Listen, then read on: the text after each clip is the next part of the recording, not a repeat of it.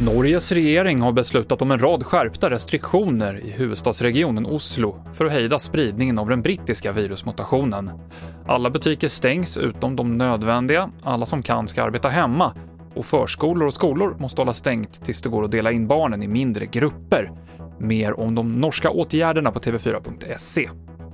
Igår så kom beskedet att Sverige inledningsvis får färre doser av AstraZenecas vaccin som väntas bli godkänt nästa vecka.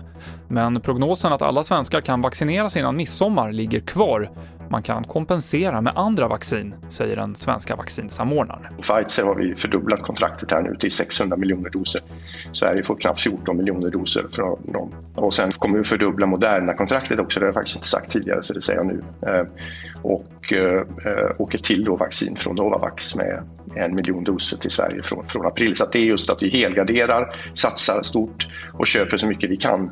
Sveriges vaccinsamordnare Richard Bergström.